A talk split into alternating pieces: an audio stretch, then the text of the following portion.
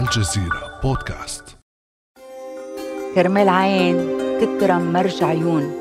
رح اضربها قتلي أنا ما بخس احترم حالي كثير يعني الشجاعة لازم تكون أديبة. الشجاعة لازم تكون أنيقة مش قليلة الأدب. أب أب أب أب أب. يا شيرين أنا بحبك قوي قوي قوي. بس كلمة بدها رجاله لو معي رصاص ببقوسك. ما رح رد على صرصو أنا هلأ بحال الصدمة مش شايفتهم هون. ضيفتي في هذه الحلقة أكثر من مجرد صحفية وإعلامية وكاتبة وناقدة. هي امرأة دمها مغموس بالحبر. استطاعت خلال مسيرتها المليئة بالتحديات أن تصبح رقما صعبا في عالم الإعلام والصحافة المكتوبة.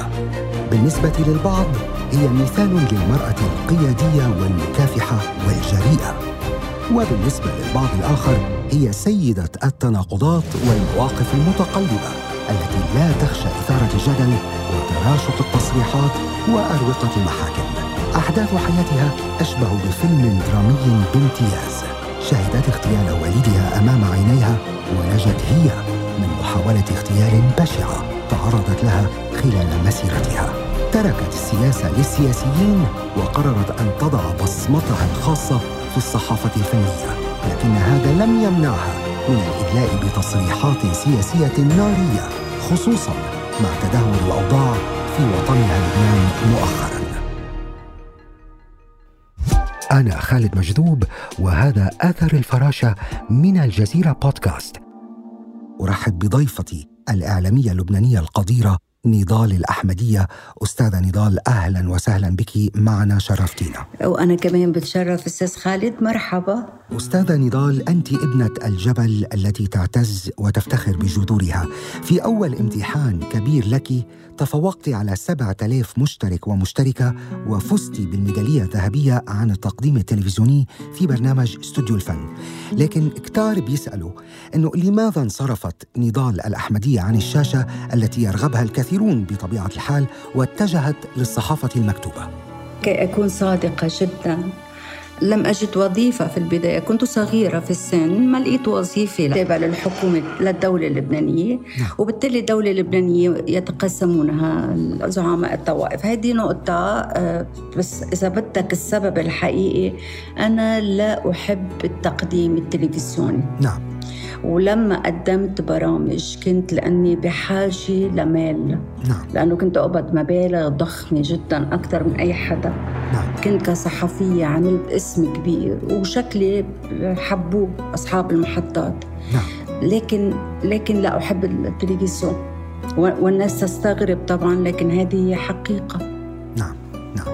نحن رح نحكي الكتاب الكتابة نعم. طبعا يعني لم يسلم بيت لبناني من ويلات الحرب الأهلية طبعا بس قصة نعم. حضرتك مع هيدي الحرب كانت قاسية على وجه الخصوص لأنه مم. حضرتك شاهدتي اغتيال والدك الله يرحمه هون بدي أسألك نعم. كيف غيرت هذه التجربة المريرة مسار حياتك يعني أنا لأني نضجت وفهمت هلأ وأراجع ما حدث لي على المستوى النفسي. أفهم أن المشهد الذي عشته وهو سينمائي تقريبا نعم. آه، ولا يصدق إطلاقا يعني كأنه مكتوب يعني متخيل. نعم. آه، هذا المشهد أواني يعني ما هزمني يعني أكيد هي تروما لكن هذه التروما آه، صرفتها صرفتها بطريقة إيجابية. لا أعرف كيف. ربما لأنني آه، منذ كنت في مطلع حياتي يعني منذ كنت في السنة الأولى في كلية الحقوق. أحب كثيرا علم النفس لذا نعم. التحقت بكلية آه، كلية الآداب علم النفس بعد الحقوق لكني لم أكمل فكنت أقرأ كثيرا لأدلر كنت أحسن من وضعي النفسي كنت أفهم مثلا ماذا يعني أن تكون آه، أن تعاني من نسميه post traumatic stress disorder أو هي إذا بدك صدمة نعم. صدمة ما بعد نعم. نعم نعم كنت بدي أقول لك إنه آه، كنت أعاني آه، في بداية حياتي من عقدة النقص. نعم. واستطعت أن أعالج نفسي. يعني هذا كلام لا يقوله الكثيرون يعني يخافون من آه، من البوح بما يعانون. إذا هالمشهد منه وحيد بحياتي؟ مشاهد كثيرة مؤلمة لأني عشت الحرب الأهلية اللبنانية وأحيانا مسكت آه، سيقان مقطوعة. نعم يعني وعم لأني عملت كفولنتير بالجامعة الأمريكية وبمستوصف آه، الحزب التقدم الاشتراكي في عرمون و... وإلى آخره. نعم. أعتقد أن أنها دفعتني إلى الأمام. بدل أن ترميني إلى الخلف وأن أضيع وأن أتدهور وأن أتخلف نعم. تقدمت. تقدمت وحتى روحيا إذا بدك والموضوع يطول لأني سمحت من قتلوا والدي. نعم بعتقد نحن بنسميها باللغة العربية ضغوط ما بعد الصدمة. هيدي الضغط النفسي اللي بيتعرض له الإنسان جراء صدمة كبيرة وطفلة مراهقة تشهد على اغتيال والدها أمام ذبح ذبح والدها أمام عينيها. الكلمة بحد ذاتها يقشعر لها. البدن طبعا.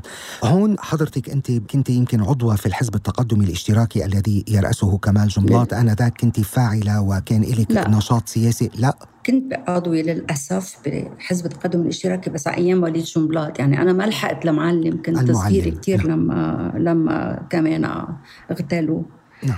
آه لكني للأسف نعم. وهذه يعني كما كنا نتحدث في بداية اللقاء غيرت قناعاتي وأنا غير مقتنعة الآن بما كنت مقتنعة به. حين. كنت في الستة وال 17 وكنت أمينة سر فرع الحزب التقدم الاشتراكي يعني كنت متقدمة جدا بنشاطي وبمركزي نعم. الحزبي لكني تخليت عنه تماما آه، بعد استشهاد والدي إذا فينا نقول إنه هذه الصدمة الموجعة هي كانت نقطة تحول بحياتك، متى اختارت نضال الأحمدية ترك السياسة للسياسيين؟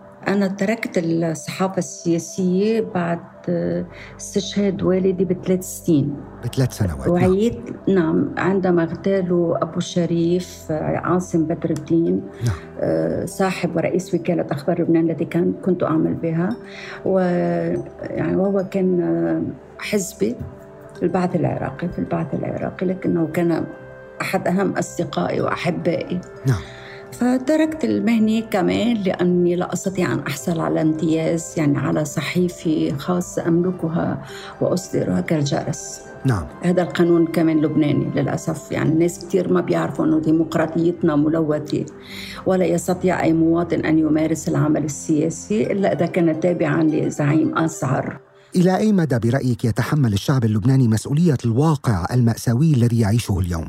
99.99% نعم. نعم نحن الحق علينا. يعني الب- البريء ال- ال- اللي بتحكم عليهم ببراءة يمكن بشكلوا نخبة والنخبة قليلة في لبنان كما في كل العالم. يعني ما طلع من أورنا شيء رحنا هربنا نعم عم نحكي عن النخبة النخبة المثقفة والواعية يعني المدركة لمسؤولياتها. نعم والرافضة طبعا نعم. لهذا الواقع. نعم. طب هون بدي أسألك أستاذة نضال هل ترين بأنه المواطن اللبناني عموما إنسان مغيب فكريا؟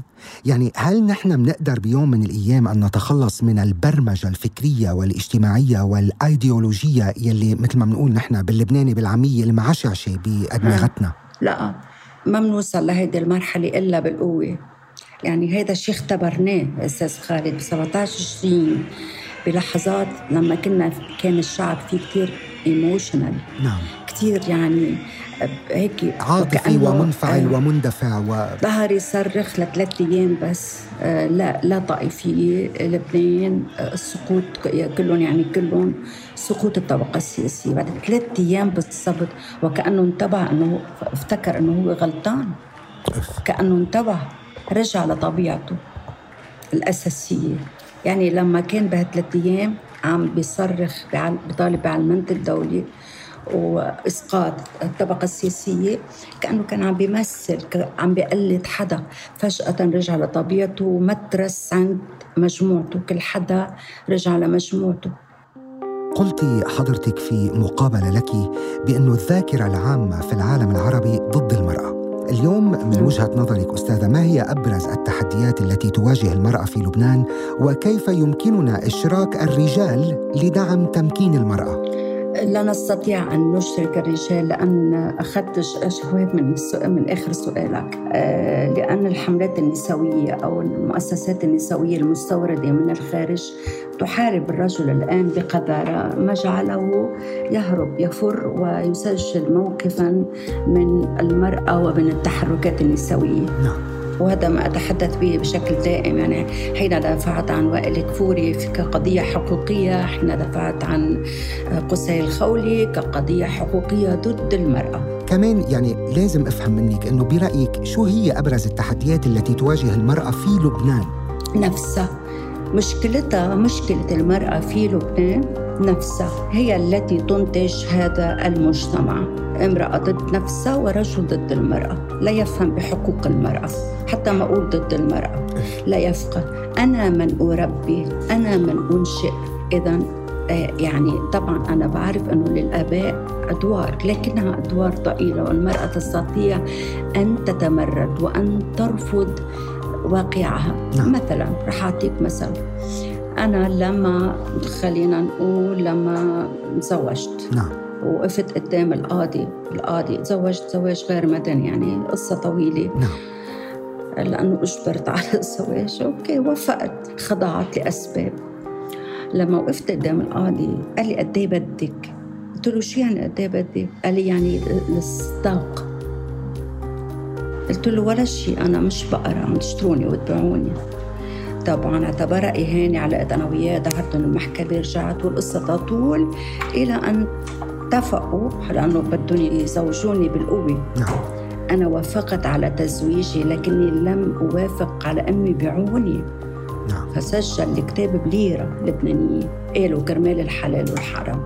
فالقوة بتبدأ أو يعني المواجهة ووضع الرجل بمكانه بحجمه. هي أن تعرف المرأة حجمها أن لا تقبل بأن تشترى وتباع. نعم. وعندما طلقت أيضا أنا لم أطلب شيئا. لهيك دايما كنت قوية. هيدا عم بحكي هيك نقطة صغيرة من قصة حياتي. بيسألوني إيه أنت قوية؟ أنت بتقدر يا خيي؟ أنا ماني قوية. جاية ماني جاية من اوكسفورد جاية من الضيعة.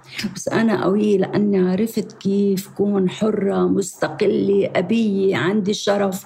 لا بنشرى ولا بدي استاء ولا بدي يعطيني بيوت ولا بعطيه طيب طيب بس ليه بتطلب ليش بتطلب؟ لا بشوف على ال social media شو عم بيصير لنقول إنه هو ما قبل العصمة تاخد تاخدها. ليه بيطلعوا بيتباروا من من كتبة استاء أكبر من الثاني أنا طلبت مليون دولار. هديك بتقول أنا طلبت مليون ونص هديك بتقول 2 مليون. على هون على دو. عم بيسعروا حالهم. نعم. يعني تخيل المرأة عم تحط تحط سعر لحالها. أستاذة نضال هل تعتبرين نفسك نسوية؟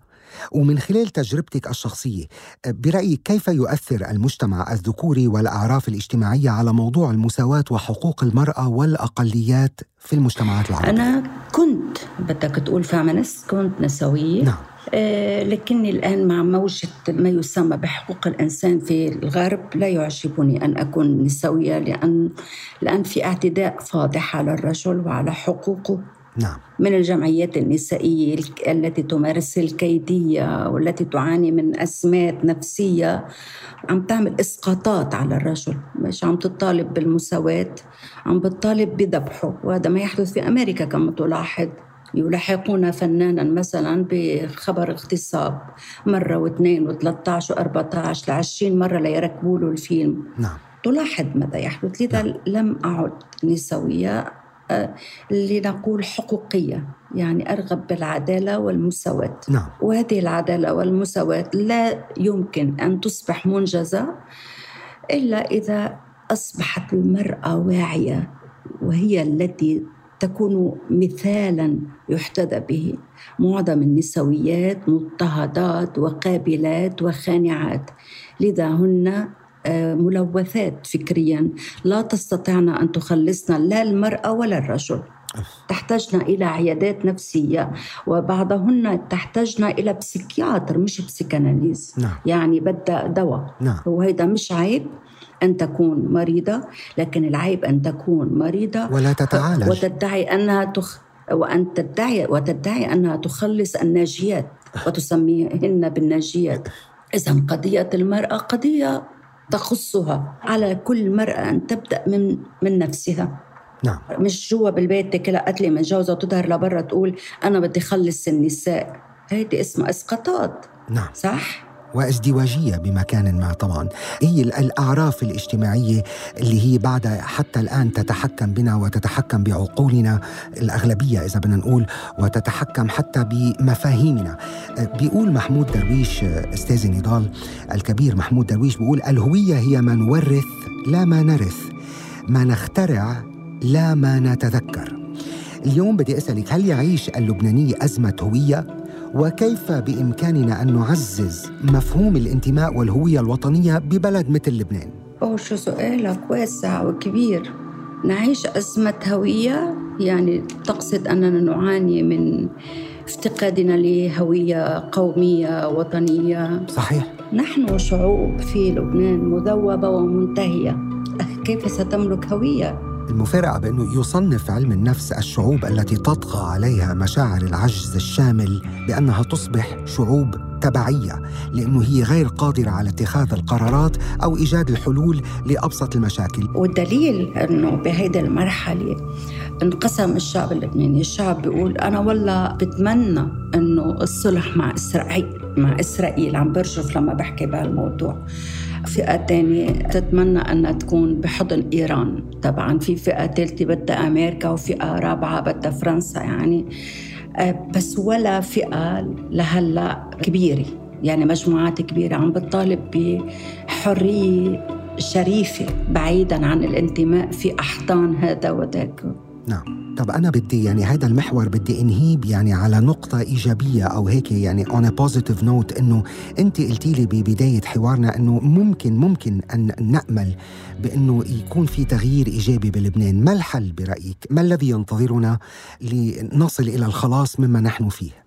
الفدرلة يعني أنا برأيي آه، إعلان التقسيم حتى يتمكن كل جزء بسيط من هذا الشعب آه، أن آه، يتمكن من من القائد. تعوله لأنه مجتمعين كلهم ما عم نقدر عليهم يعني دائما نحن ما نحاول أن نفهم أو نستشف أو نقرأ مشهد ما دائما بفكر بقول يا ترى هل الثورة بالبداية يجب أن تكون ثورة عقول أم يجب أن تكون ثورة على أنظمة؟ طب إذا غيرنا النظام ولم نغير العقول، هل يتغير شيء على أرض الواقع؟ نعم يتغير لأنه إذا غيرنا النظام يعني أنت عم تحط قوانين والقانون يصبح دكتاتور الأهبل يعني كما نشاهد في أوروبا وفي أمريكا وفي كل العالم الذي الذي تحكمه القوانين. نعم. نلاحظ أن الإنسان ممكنا. يعني نحن لا يعني أنا ما بحب نصير مثل مثل أمريكا مثل الشعب الأمريكي مثلا.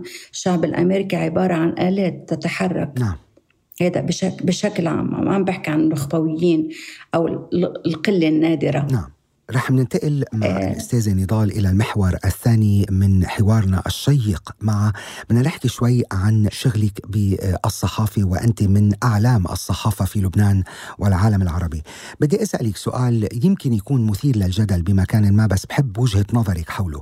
أستاذة نضال بتعتبري الصحافة مهنة متميزة عن غيرها من المهن؟ وهل هي مهنة رأي لا يجوز محاسبة من يمتهنها أم هي مجرد وسيلة للتعبير عن الرأي؟ كيف. بتشوفي الصحافة؟ آه، أنا مع محاسبة ال- الصحافي نعم. لكن القانون في لبنان لا يحاسب بالرأي. يعني في حرية رأي. نعم. في حرية تعبير مقدسة. وهذا آه، آه، جاء في مقدمة الدستور اللبناني. والصحافي اللبناني لا يسجن. وهذا القانون غيره الراحل الكبير غسان تويني. نعم. كان الصحافي يسجن. نعم. كأي صحافي عربي. في لبنان نحن لا نسجن. ندفع يعني حين نحاكم على خطيئة ارتكبناها ندفع المال. نعم. تعويض. نعم؟ أين الخطأ؟ في ذلك يعني أنا ضد الحرية المتطرف. يعني أنا مثلا ضد الحرية اللي هون بأمريكا. نعم. يجب أن الحرية أن تكون مؤدبة وفيها الكثير من الإنسانية الرفيعة والإنسانية الرفيعة تسمو على هذه الصغائر ومش غلط أبدا أن يحاكم فلان وأن يحكم عليه. نعم. جميل لأنه أخطأ بس أطالب بقوانين عادلة ونحن في لبنان تقريبا قوانيننا نعم. عادلة فيما يخص قانون المطبوعات على نعم. الأقل بهذا المطرح في minimum. minimum طب اليوم كيف تقيمين وضع الصحافة في لبنان؟ هل ما زال يوجد صحفيون مؤثرون أستاذة نضال؟ وأين مسؤولية الصحفي في المساهمة في تغيير واقع بلده؟ نعم أه للأسف في تراجع كبير بالمهنة نعم. أه إذا بالإنترتينمنت للأسف ما بقى في صحفية إنترتينمنت كلهم حملوا الشنطة للفنان. وصاروا بورتكليه بإيده بالصحافة السياسية للأسف تابعين لأنظمة أو منشرين من أنظمة خدام مؤسسات مؤسسات تبع الأنظمة نعم. وضعنا المزري جدا محطاتنا التلفزيونية كمان يعني آه، تمول من من أنظمة. ما في جزء الحرية. وعندما يكون الإعلامي تابع لا يستطيع أن يغير في العقل العام لأن تسحب منه هذه الميزة. نعم. هون بقى دخلنا بمسألة العمل الصحفي بين المهارة وأخلاقيات المهنة لأنه يعني طب بهيك ظل ما ظل هيك وضع. ما هي المعايير يعني التي يجب أن يتبعها الصحفي ليكون محترفا بكل معنى الكلمة؟ كيف بيصبح الصحفي نجما في مجاله كما أصبحت أنت في لبنان؟ قلت لك إياها مرة آه، هيدي كتير حلوة أي لسعيد تأي الدين المستغني غني. آه. آه. الصحفي لازم يفهم أنه ما بيقدر يصير مليونير وملياردير بعالمنا العربي. كما الكاتب لأنه نحن ما في عنا copyrights نعم. هلا الجيل الجديد بلكي بيلحقون ال copyrights على أساس صرنا digital كل شيء رقمي. اذا الصحافي الذاهب لأن يقوم بعمله لا يستطيع أن يتقاضى أجور من هنا ومن هناك أو من المعيب أن يتقاضى هذه الأجور كي يصمت أو كي يقول ما يريد الآخر أن يقوله. أول شيء الأخلاق مرتبطة تماما بالجيبة. أي حدا بيقول لك غير هيك ما تصدق. المال يذهب الأخلاق نعم. والمسؤوليات الإنسانية والمسؤوليات اتجاه الآخر. الآخر إذا كان شخصا واحدا أو مجموعة صغيرة إلى أن تكبر. نعم. ما بقدر أكون صحفية. عندي قصر وثلاث طيارات خاصة وكون عن جد عم خاطب الرأي العام. بشرف. المال المتقاضى مع الشرف لا يلتقيان. نعم. هون من خلال تواصلك وتجاربك مع الفنانين بدي أسألك هذا السؤال إلى أي درجة يعيش الفنان العربي ازدواجية في حياته؟ يعني بصراحة مطلقة هل الفنانين منافقين؟ بنسبة عالية نعم. نعم.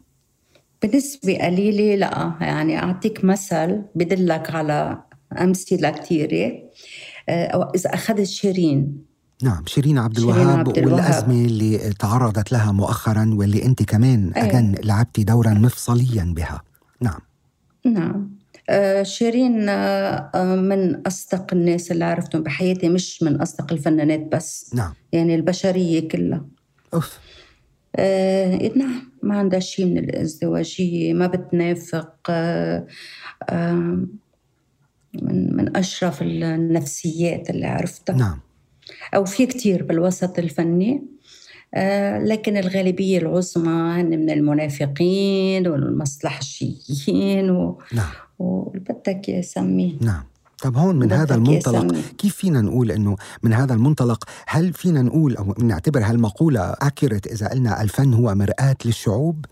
يعني نعم الفنون مرآة الشعوب طبعا. نعم, نعم.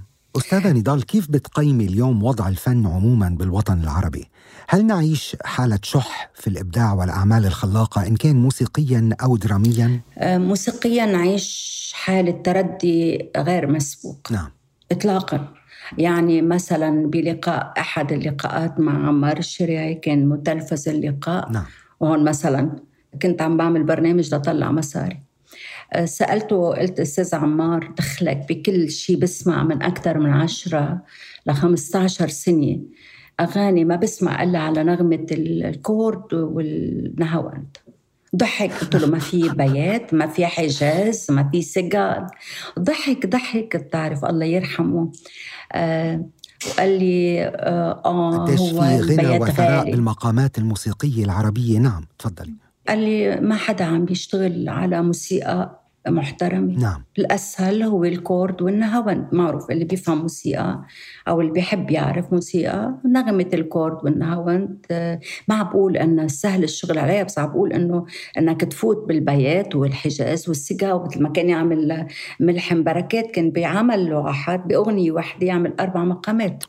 هلا انجا نشوفها كلها كورد مثلا. نعم. كل الغنية كورد. نعم. so نعم في في شيء في هزيل في أعمال هزيلة حتى الكلمة حتى الكلمة شو الجديد؟ ما في شيء ابدا ما في مواكبة ل- للتبدل الكامل اللي عم بيصير بحياتنا. يعني الأغنية الآن لا تؤرخ للمرحلة ابدا. نعم.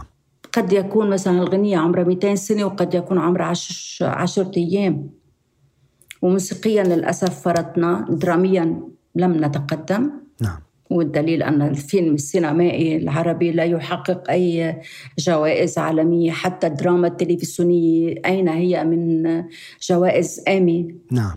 مثلا. نعم. مؤخرا عرضت نتفليكس فيلم اسمه أصحاب ولا أعز مع منى نعم. زكي ونادين لبكي ومجموعة نعم. من عادل كرم وغيرهم وصار في يعني كتير إذا بدك ردود فعل متباينة حول هذا الفيلم وعمل ترند وهجوم شرس على منى زكي بدي يعني أسمع رأي نضال الأحمدية ليه؟ ب- ليه بهذا بس؟ الموضوع الحل بيكون فيلم تاني مثله فيلم ثالث أقوى فيلم رابع يعني نستمر أن لا يعني المنتج والمؤلف والممثل أن يواظب على التحدي. نعم. وأنا هذا ما فعلته في حياتي. نعم. يعني كانوا أنا أمي كان وصلوا لمرحلة يقولوا عنها أنه ست مش منيحة. الله يرحمها. لأنه كيف خلتني أنزل باستديو الفن؟ كانت كان الحل بالمواجهة نعم. صرت أنا نموذج يقتدى به. صاروا يحلموا يجوا يشوفوني أو لهم على أوتوغراف قبل. أستاذة نضال بدي أنتقل لأحكي شوي عن موضوع. طبعا نحن اليوم يعني بدنا نكون صادقين مع المستمع اللي عم يسمعنا وأنت حللتي علينا ضيفة عزيزة ونتشرف بها بأثر الفراشة. تسلم. علاقاتك في الوسط الفني بشكل عام ومع عدد كبير من الفنانات بشكل خاص تشهدها حالة مد وجزر. يعني هناك الكثير من المشاجرة ثم المصالحة خلافات حادة غالبا ما تكون مع أشخاص بعينهم. يعني بنذكر من نمرق على هيفاء وهبي وأحلام وأصالة وإلى ما هنالك طب هون بدي أسألك مقولة الاختلاف بالرأي لا يفسد للود قضية هل. هذه المقولة هذا المصطلح هل هو غير موجود في قاموس نضال الأحمدية وما الذي يدفعك إلى تأجيج الصراع مع البعض؟ أنا ما رح أدافع عن نفسي آم، ما حدا بريء. أنا خطيئتي الكبرى أنه آه، غضوبي نعم. ولا أفكر مرتين قبل أن أرد. نعم. هل هذا صدق؟ هل هذا غباء مني؟ لا أعرف لكنه ورطني في سوء في وضعي في صورة الخلاف بالرأي لا, لا يفسد للود قضية. نعم. ورغم أني أعرف بأن الود رأس الحكمة لكني لا أطبق للأسف. يعني فينا نقول أنه نضال الأحمدية بمكان ما شخصية انفعالية؟ جدا. نعم. جد في مكان ما في أمكنة كثيرة. أنا شخصية انفعالية وغضوبة وأرد لكن هذا لا يعني أني أكذب. طبعا لا. ولا هناك يعني فرق. أني أعتدي. طبعا هناك فرق. ولا يعني أني أعتدي. نعم. لكن لو كنت أذكى شوي كنت ما ما بفوت بهالمتاهات. بتركن بتركن يقولوا اللي بدهم إياه وبرد بهدوء وبطريقة أذكى. نعم. لكني عم بغلط عم بغلط. ويمكن هلأ إذا صار شيء أرجع أغلط. ما بعرف. يعني لأني بنت ضايعة وبنت الضيعه صوت صوتها عالي. وي- ويمكن لأنه بحس آه، إنه ما في حدا رح يدافع عني. كمان هذا سبب نفسي يخليني أطلع وأصرخ على صوتي وكبر القضية. نعم نعم. الخوف. نتيجة الخوف. نعم. أزمة الخوف اللي عايشتها أنا و90% من الشعوب. نعم. ولم أتحرر منه بعد. فينا نقول إنه الخوف أنت يعني وضعت يدك على الجرح لأنه الخوف كعنوان عريض هو من أبرز التحديات اللي بيواجهها الإنسان بمرحلة حياته ككل على الأرض. نحن يعني نرث الخوف نتعلم الخوف بسبب المجتمعات وبسبب البيئة اللي بننشأ فيها. نحن نولد من دون خوف نولد بشكل يعني حرين تماما ولا نشعر بالخوف إنما نكتسبه مع الوقت. للأسف وبصير هو محرك كتير من قراراتنا بالحياة آه ما بعرف في نظرية بتقول آه أن الخوف يولد معنا. جوردن بيترسون بيقول أنه نحن آه، نولد ويولد الخوف معنا. ونظرية شغلت تشغل الرأي العام نظرية أخرى جميلة. آه، نعم. من العلماء يعني. نعم. العلماء عم طرح نظرية علمية جديدة. نعم. ما بنعرف إذا نرث الخوف من الذاكرة الجماعية. أو نكتسبه من التربية وال... أو نكتسب هذا الخوف أنا ب... نعم. دائما بيقولوا بعلم النفس أنه راقب الطفل الطفل بمكان ما لما بيكون عمره سنة يستخدمك. سنة ونص بتلاقيه مندفع نعم. وما بيعرف لا يفقه ما في شيء بخوفه لأنه لأنه مندفع وعايش حياته almost a clean slate هو عايش حياته بكل إنما نحن نعلمه الخوف لأنه لأنه هو ب... صح ما تدقر النار ما تعمل هيك وما تساوي هيك و- إيه، إيه. وشوي شوي ببلش يصير عنده هذه التحفظات. شيء غريب. لنرجع بموضوعنا عن الفنانين والفنانات. من وجهة نظرك أستاذة نضال أي ميزة تعتبر الأهم لدى الفنان موهبته أم شخصيته؟ ونحن كجماهير آه، بنقدر أنه نفصل بين الأمرين؟ نعم. أنا بشوف الموهبة package كاملة. نعم. full package يعني هي إذا كان مطرب عم نحكي عن مطرب أو يعني مطرب مثلا نعم. وصوته وكيف يغني. كيف يوظف هذا الصوت نعم. وكيف يطل على الجمهور. كلها موهبة يعني لأن لهيك بنقول هيدا عنده كاريزما هيدا ما عنده كاريزما. ولحد هلأ الناس ما بتعرف شو يعني كاريزما بس بتعرف إنه ما مسكهم ما قدر يسيطر عليهم أو ما بيعجبهم. كلها موهبة. صحيح. طب هون انطلاقا من أجن. تجاربك في العمل في الصحافة الفنية أستاذة نضال متى يصبح التطرق للحياة الشخصية للفنانين والمشاهير مباحا؟ يعني بمعنى آخر. متى تصبح أخبارهم الشخصية شأن عام من حق الناس معرفته دائما دائما بدنا نعرف منك لكن كيف؟ آه بالضبط لكن كيف؟ نعم هل تستطيع أنت أن تدخل إلى حياة شخص بالقوة؟ يعني أبدا. أن تخلع الباب وتدخل إلى حياته؟ أبدا. تخلع الباب هنا تعبير مجازي. نعم. إذا لم يهمس لك ويخبرك ويتوسلك أن تنشر أحيانا. نعم. كيف كيف تقدر تعرف؟ أي شيء شخصي كيف تقدر تعرفه؟ أ- أصلا جماعة الباباراتزي بالغرب بيقدروا يعرفوا أي شيء إلا إذا الفنان ظهر على الطريق وكان بمكان عام؟ فتح له المجال. ابدا ما بيقدر حتى الباباراتزي اللي بعتبرون زعران الصحافة أو أبطال الصحافة سميهم مثل ما بدك نعم. نحن ما بنقدر أستاذ نعرف أي شيء بس إذا عرفنا ووصلنا من حقنا نكتب لأنه نحن نبيع الخبر نعم. هيدي اندستري صح؟ هي صناعة نحن بنبيعه للخبر صناعة نعم نعم يعني نعم. اليوم الفنان إذا هون هو بدك تقول لي وين الأخلاق؟ لا، ما هو بس وين الأخلاق؟ أنا مش مسؤوله عن نعم مش مش مسؤولة عن فلانة إذا طلقت وتجوزت وظهرت وقبضت وما بعرف شو. نعم. هي مسؤولة عن سلوكها. أنا مسؤولة إني خبر الرأي العام. نعم. تماما. يعني إذا اليوم بمكان ولا بيت. الفنان منه محترم نفسه. طب إنه إذا هو عم يعمل تصرفات معينة؟ على الملأ فاذا شو دور الصحافي اليوم؟ بس إنه التبجيل وال تماما. مثلا تماما. يعني وهيدا هيدا كان أسلوب الله يرحمه مع إنه كان يقرع الفنانين. بس معروف إنه أبرز اثنين بالصحافة اللبنانية جورج إبراهيم اللي الخوري. كانوا مداحين نعم. نعم, نعم. والموعد بديع سربي بديع سربي محمد, بديع, بديع سربي. نعم. نعم كان صحيح. كت- هيدا ك- هيدا كان مثال. نعم،. الاستاذ محمد بديع سربي صحيح. كان مس- كان داي دايما تطبيل ويحب كل الفنانين يحبوه. نعم. كان مشهور يعني مشهور جدا بأنه كل نجوم مصر تعشقه. نعم. والأستاذ جورج إبراهيم الخوري كمان الله يرحمه كان يعني مداح بطريقة يعني بتقرأ أنا بضحك. كان أعجب طبعا بأسلوبه. ما في بس شك. أوف شو بيمدح. ما في شك. نعم. أما أنا لا أمدح. يعني لا انت آه، تمدحين مش ما تمدحين. لما بتقرأ مديح بيكون وصف عنه بيكون وصف لواقع ولحقيقه صحيح. مثلا نحن بندافع كثير عن إليسا? نعم. بس ابدا ولا مرة من سمحها إذا غلطت يعني مرة لما قالت إنه عملت رتويت وأعلنت إنه هي سبقت السيدة فيروز باليوتيوب.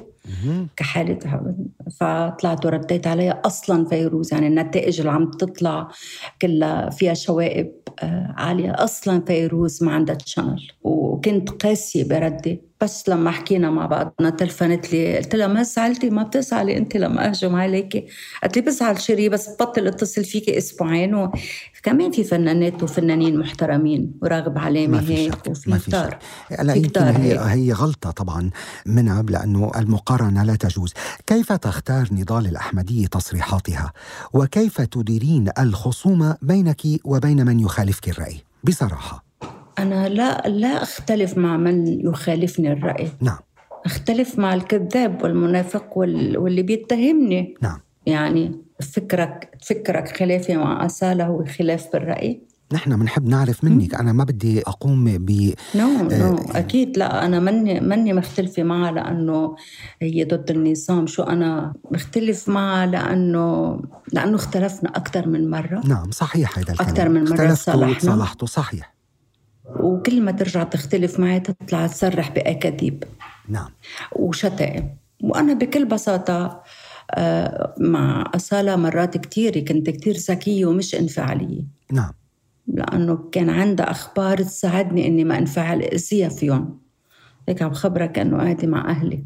مثل اللي صار معها على مطار بيروت وطلعت أعلنته بلحظة. وحاولت تكذبني وشتمت الشعب اللبناني واتهمت اتهمت يعني الضابط الشريف يلي كما كمشى نعم. وإلى آخره. ولم تتمكن من أن تثبت آه، صحة كلامها وقالت ما ب... لو دفعوا لي ملايين الدولارات ما بقدر فوت على لبنان. يعني لما حدا بيطلع على القد بيشتم ببلدك بتكون عم تختلف معه بالرأي؟ ولا لازم يكون عندك موقف شرف؟ هيدي أبرز خلافاتي مع أنها شتمت بلدي وأنها هنتني لإلي على المستوى الشخصي فالناس ما بعرف ليه ما بشوفوا هي شو. إذا أنت يعني المشكل صار عندك مشكل مع هذه الشخصية ككل لنقول مع قيم هذه الشخصية أو أخلاقيات هذه الشخصية وجودها من عدمها. هذا موضوع آخر. اليوم تعدى الخلاف مسألة اختلاف بالرأي لنقول وصار في مشكلة جوهرية اللي هي إلى علاقة بكيف يتصرف هذا الشخص وما يبدر عنه. صحيح؟ نعم يعني أنا معظم الفنانين اللي هن أعز أصدقائي وأصحابي ما بختلف معهم بالرأي. نعم. بالرأي السياسي وآراء كثيرة خصوصي هلأ بالآراء السياسية يعني. معظمهم منتمي إلى جهة أنا ضدهم طبعا خلافات آه، آه، بالرأي على بالعالي كمان بالصوت العالي. نعم. بس هن أصحابي وأحبابي. نعم. أصحابي وأحبابي وبدافع عنهم بدموع عيوني. نعم. ما بختلف مع حدا أنا اختلفت معه بالرأي. ورح أقول لك شيء صعب جدا جدا جدا يصير حدا صديقي. وصعب جدا جدا جدا يصير حدا عدوي. أف. مش سهلة على قد صحيح أني انفعالية لكني لست سهلة في كيفية تدوير العلاقة. نعم. بدي أسألك هون بآخر محور بحلقتنا ما الذي يخيف ويحبط نضال الأحمدية وما الذي يمدها بالأمل والعزيمة؟ لأنه موضوع الخوف تتطرقين له بحديثك. ما الذي يخيفك ويحبطك بشكل عام؟ وشو اللي بيخليك مستمرة عندك أمل وعزيمة؟ آه، نحن طبيعي جدا نكون آه، أنا طبيعي جدا نكون خائفة. نعم. لأني أعيش على أرض متحركة إن كانت بلبنان أو هلأ بالعالم. نعم. من أول ما خلقت أنا ما عرفت إلا قتل وذبح واحتلالات وتشرد وجوع وفقر. نعم. أما الأمل فصناعتي أنا بخلقه وأعود دائما إلى جوزيف ميرفي. نعم. قوة العقل الباطن. نعم. يعني أستحضر الله دائما في قلبي وأنادي إليه. نعم. لذا الأمل دائما عندي. وإلا ما بقدر أستمر. في مثل بيقول الأمل قوت الفقراء. أنا الأمل سلاحي مش قوتي. نعم. ما بعتقد أنه أنت مش خايف كمان. ما بعتقد أنه أنت إنسان لا تعاني من هذا الخوف. لا يمكن وتحاول لا يمكن. التخلص منه. طبعا لا يمكن إنسان على وجه الأرض ما عنده مخاوف وما عنده يعني قلق. قلق و قلق دائم. طبعا. قلق أستاذة دائم. نضال بعد هذا المشوار الطويل والمليء بالتحديات والنجاحات والإخفاقات وغيرها هل تعتبرين اليوم أنك حققت جميع أهدافك؟ وما الذي تطمحين إلى تحقيقه بعد؟ آه لم, لم أحقق آه أهدافي طبعا. حلمت دائما أن أكتب الرواية. وها أنا أعمل عليها الآن. نعم. طبعا عندي بالسوق كتابين مجموعات قصص قصيرة. هلأ عم حاول أشتغل على الرواية؟ عم حاول أشتغل على مشروع درامي. إن شاء الله أتوفق. إن شاء الله يا رب. كل التوفيق. كمان مم. سؤال مهم. ماذا تقولين للشابات والشبان الذين يرونك قدوة في عالم الصحافة؟ شو بتوجهي لهم رسالة؟ يا بهن بالحقيقة بشوفوني قدوة بعالم الصحافي وبعالم الشخصي. نعم. لأني قوية. دايما بسمع هذا التعبير. صح. ابدا ما بش يعني من أي جانب تاني ما بهمهم. بتهمهم قوتي. أه بقول لهم أه ما تنهزموا ولا لشيء نعم. إذا اضطريتوا تغامروا بحياتكم بتربحوا حي... يعني غامروا فيها لأنه بتربحوها نعم. أنا ما عم بحكي هون بمعنى الاستشهاد لا عم بحكي حتى لو اضطر الإنسان يتهور نعم. يعني أن لا يفرق ما بين المغامرة والتهور ما عليه بشرط إنه ما يخسر سيادته على نفسه نعم حتى يعني تخيل إنه التهور قد هو سيء لكنه أشرف من أنك تنهزم لحدا نعم. بنهاية هذا اللقاء والحوار الشيق والممتع في سؤال دائما نطرحه على كل ضيوف أثر الفراشة إذا كان بإمكانك أن تغيري شيئا واحدا في العالم ماذا تغيرين يا أستاذة نضال؟ شيء واحد بالعالم؟ نعم أوه يا ريت حضرتني قبل لا. هو لذة هيدا هو لذة هذا السؤال إيه بأنه عفوي. هو عفوي. نحن والله عنصر المفاجأة. شو أول شيء بيخطر على بالك؟ هو لذته إنه تكون يطلع منك بشكل أول شيء بيخطر على بالي إنه ينمسح من الأذهن يعني إذا في شيء program بيمسح من الأذهان القدرة على الكذب. نعم. تخيل كل الناس تكون صادقة. يا إلهي شو بيصير؟ الأرض حلوة. شو بيصير غريب العالم اللي نحن عايشين فيه؟ بالأول بتحسه غريب بس بعدين بتشوفوا شو حلو كتير. نعم. قد إيه بنتخلص من آفة عظمى؟ يعني إذا هلأ في شي chip بحطوها بالروس عبر الطعم مثلا. نعم. عن طريق الكذب عن طريق طريقة كورونا. نعم. وهذا تشيب من شأنه أنه يمحي القدرة على الكذب. نعم. يعني الإنسان ما بيقدر بس بده يحكي بيقول الصح أنا برأيي الأرض بتصير جنة. في فيلم على فكرة حول هذا الموضوع جدا ممتع اسمه The Invention of Lying. فيلم بيحكي عن هذا الموضوع بيحكي عن مجتمع اولموست مثالي ما حدا فيه بيكذب وبيخبرك كيف طلع الإنسان بأول كذبة وكيف صارت بعدين جزء من شخصية الإنسان الكذب. فإذا النضال الأحمدية تتمنى لو بتقدر تغير شيء واحد بالعالم تغير القدرة على الكذب تنهي القدرة على الكذب عند البشر. بصير الإنسان ما بيعرف مش عم ما بيعرف يكذب. شو ما بيحكي بيكون صدق. نعم. برأيي بنصير بالبارادايس. الكذب أكبر آفة. أستاذة نضال الأحمدية اتفقنا معها أم اختلفنا في الرأي؟ لا أحد يمكن أن ينكر أنها شكلت حالة استثنائية في الإعلام العربي خلال مسيرتها التي امتدت نحو أربع عقود من الزمن. أنا بشكرك كثير على وقتك. وبتمنى لك كل النصر. لا تنسى تفعيل جرس الاشتراك لتصلك حلقات البرنامج أولا بأول. وإذا أعجبتك الحلقة لا تنسى مشاركتها مع من تحب. أنا خالد مجذوب وهذا أثر الفراشة. كتابة وتحرير خالد مجذوب كوثر أبو سعدة محمد حمد محمود النجار عبيدة غضبان. تصميم الصوت ميشيل بوداغر. فريق التواصل والتفاعل أحمد حسن سامي الجزيري.